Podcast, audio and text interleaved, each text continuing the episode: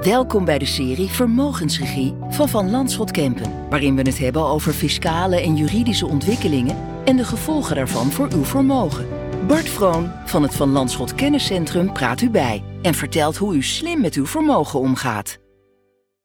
Dit keer geen fiscaal of juridisch onderwerp in deze podcast, maar hoe Van Landschot Kempen zijn beleggingsadvies actueel houdt in deze turbulente tijd van hoge inflatie, stijgende rente en flinke koersverliezen bij aandelen en obligaties.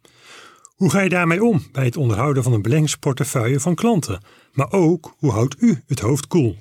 Daarover praat ik met Bart Vroon, financieel structureerder bij het Van Landschot Kempen Kenniscentrum, en met Maarten Kneepkens. Hij werkt bij de afdeling Private Client Solutions en dat is een centrale afdeling bij Van Landschot Kempen voor de beleggingsdienstverlening. Mijn naam is Maarten van der Pas. Bart, even naar jouw eh, praktijk. Je hebt met een klant uh, zijn financiële doelen besproken en een, een, plan gemaakt hoe die, te die doelen te bereiken met beleggen. En dan opeens loop je tegen flinke verliezen aan in je portefeuille. Hoe ga je daar dan mee om? Nou, bij aanvang uh, wordt altijd een zorgvuldige inventarisatie gedaan. We kijken dan naar het inkomen, naar het pensioen, naar de uitgaven. En we kijken uiteraard naar het voor belegging beschikbare vermogen. En die, bij die inventarisatie die zetten we dan af tegen de doelen en de wensen. Uh, bijvoorbeeld uh, aanvulling van het inkomen of een algemeen vermogensdoel of een specifiek vermogensdoel. En dat resulteert in een beleggingsprofiel. En daarbij wordt ook de risicobereidheid getoetst. En periodiek vindt dan ook een analyse plaats, hè? een scenario-analyse, en dat noemen wij vermogenshorizon. En om die actueel te houden, doen wij regelmatig een, toetsie, een toetsing.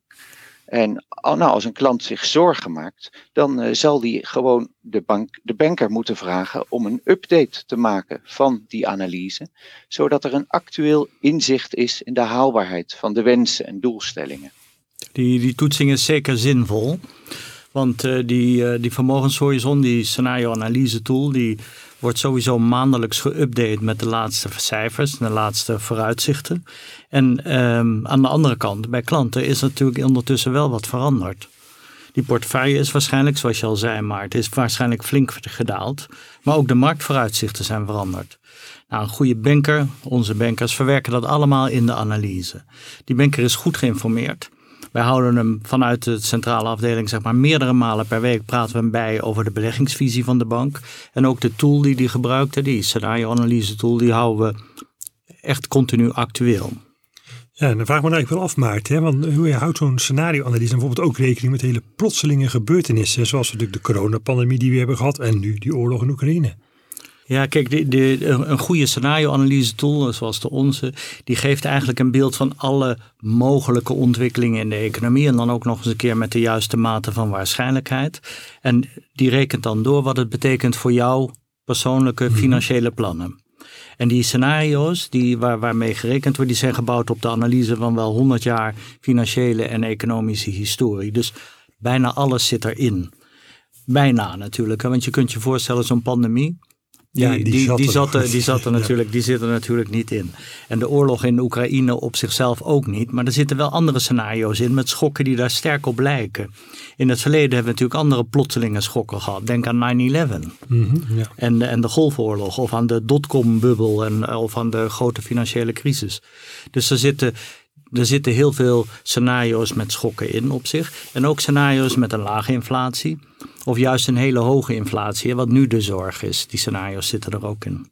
Ja, want dat is natuurlijk wel aardig. Hè? Die inflatie die is eigenlijk terug van weg geweest. Hè? Hebben we lange tijd niet echt uh, gehad. Maar bijvoorbeeld ook de rente. Hè? Die is natuurlijk de afgelopen decennia ging niet alleen maar omlaag. En nu lijkt dat gekanteld. En ja, hè, zien we de rente oplopen. Dat zit ook allemaal in die scenario-analyse.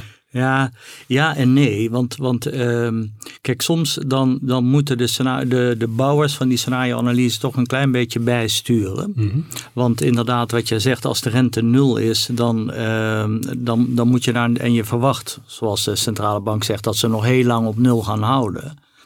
Dan wil het model misschien die rente weer omhoog brengen, gemiddeld genomen. En jij weet dat dat niet gaat gebeuren. Nou, andersom, nu zit je in een situatie dat die rente laag is. En wij weten dat er een eind is gekomen aan het lage rentebeleid, dat die rente gaat oplopen. We weten dat er een, golf, of dat een oorlog in de Oekraïne speelt. Dus wat die modelbouwers dan doen, is de, het model toch een klein beetje tunen. Mhm. Ze passen bijvoorbeeld de onzekerheid aan in het model, waardoor de waaier van mogelijkheden wat, wat breder wordt. En ze stellen de, de, de economische groei op korte en middellange termijn naar beneden bij, want dit gaat dan natuurlijk toch wel een beetje inhakken. En zo krijg je ehm, toch een, het continu een actuele analyse. Als jij zo'n doorrekening doet met je banker als klant, krijg je toch echt op basis van de laatste inzichten een nieuwe toetsing van je haalbaarheid van je doelstellingen. Mm Ja, en nou had Bart het ook al, hij had ook al over de beleggingsprofielen hè, waar klanten in worden ondergebracht. Betekent dit ook nog iets voor die beleggingsprofielen waarin je kan zitten? Ja, want we, kijk, voor, voor ons is een beleggingsprofiel, dat, we, we hebben er zes. En uh, die, die beleggingsprofielen moeten natuurlijk zelf ook relevant blijven. En je kunt je voorstellen dat in de, in de loop van de, van, de, van de afgelopen twintig jaar zijn we steeds internationaler gaan beleggen. Onze mhm. beleggingsprofielen moeten ook steeds internationaler. Als we dingen doorrekenen, zoals een scenario tool, maar ook als we producten aanbieden of advies geven aan klanten, moeten onze portefeuilles zijn ook veel internationaler gebeurd. Dus wij passen ook die profielen aan. En nu Bijvoorbeeld bij, bij de rente, want dat is nu natuurlijk wel een belangrijke vraag. Mhm. Heb je gezien dat wij de afgelopen jaren hebben die profielen aangepast door de, de, de looptijd van de obligaties in die, in die uh, profielen te verkorten. Zeg maar in het, in het denken over die profielen door obligaties veel breder te spreiden over bedrijfsobligaties, opkomende landen en door ze bijvoorbeeld ook internationaal te spreiden. En zo passen we toch zeg maar die profielen ook aan aan de omgeving waarin we uh, voor onze klanten moeten werken. Ja, en je daarmee eigenlijk niet achterop loopt of achterop raakt. Ja, wat je wil eigenlijk is dat een neutraal profiel neutraal blijft. En dat het niet stiekem opschuift naar een heel risicoprofiel, heel hoog risico of heel laag risico, omdat de markt verandert Dus Je, wil, hè, je wil dat klanten ervan op aankunnen dat het profiel echt doet wat het wat ze verwachten. Ja, en dat ook inderdaad voor de, de, ja, de defensieve profielen en, en de offensieve. Ja. ja. Nou kan ik me toch ook wel voorstellen, want uh, ja, het is best ruig aan toegegaan op de financiële markten de afgelopen weken. Dat, dat het toch misschien voor klanten niet ver genoeg gaat. En dat ze toch denken van, goh joh, ik wil uh, misschien een, een deel uitstappen. Ik wil volledig uitstappen, mijn beleggingen van de hand doen. Uh, of misschien ja, hè, dat tijdelijk willen doen. Ja, nee, dat is zeker. En ik kan me die emotie heel goed voorstellen. Want het is natuurlijk, uh, juist als de markt slecht is, dan worden ook de berichten in de kranten worden slechter. De berichten in de media worden slechter. Iedereen gaat zijn vooruitzichten bijstellen. Mm Maar aan de andere kant, als je terugkijkt, de afgelopen 40 jaar, ik weet niet, uh, uh, ik noem maar een tijd hoor, maar bij elke crisis die we gehad hebben was uitstappen prima, misschien net voor de crisis, maar dan had je wel weer moeten instappen direct na de crisis. Want anders mis je toch gewoon, ja, je stapt uit. De markt daalt misschien nog wat verder. Maar als het herstel komt, gaat het heel snel. Dus als je 40 jaar terugkijkt, had je toch beter gewoon kunnen blijven zitten over het algemeen. Mhm. En dat is heel lastig in moeilijke in tijden zoals nu. Ja, en ik hoop dat emotie oploopt. Maar dan hoor je wel vaak in onderzoeken ook, kijk, beleg blijven is dan vaak toch de beste oplossing. Ja, en daarom is het ook eh, aan te bevelen om periodiek na te gaan of het eh, beleggingsprofiel nog passend is. Hè? En op dat moment kun je ook met de banker aandacht besteden aan de fiscaliteit en de structuur. Is er nog wel sprake van een uh, optimale situatie vanuit fiscaal optiek? En je kunt dan ook denken aan, uh, nou moet ik niet de mogelijkheid tot verliescompensatie benutten en kijken of ik nog wel in de BV moet beleggen. Dat zijn allemaal mogelijkheden op dat moment. Ja, dat je net ook het fiscale aspect niet uit het oog verliest, bedoel jij Bart? inderdaad. ja. ja. Nou, tot slot, heb je nog een tip eh, voor klanten? Maarten, jij? Ja, nou, mijn, mijn, mijn tip is: ga stap niet uit als je niet een plan hebt voor wanneer je weer instapt, zeg maar. Ja. Dus, dus, want het is heel moeilijk om weer in te stappen als de markt dan ook weer tegen je ingaat. Ja, markttimen is en blijft lastig. Dat blijft zo. Zo niet onmogelijk, misschien wel. Ja.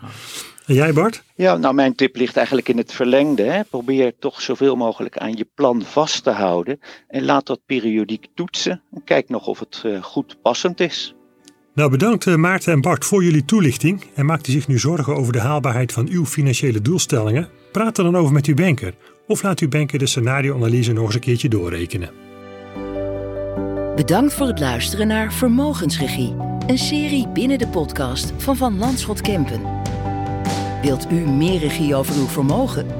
Bezoek dan onze website www.vanlandschot.nl en abonneer u op dit kanaal.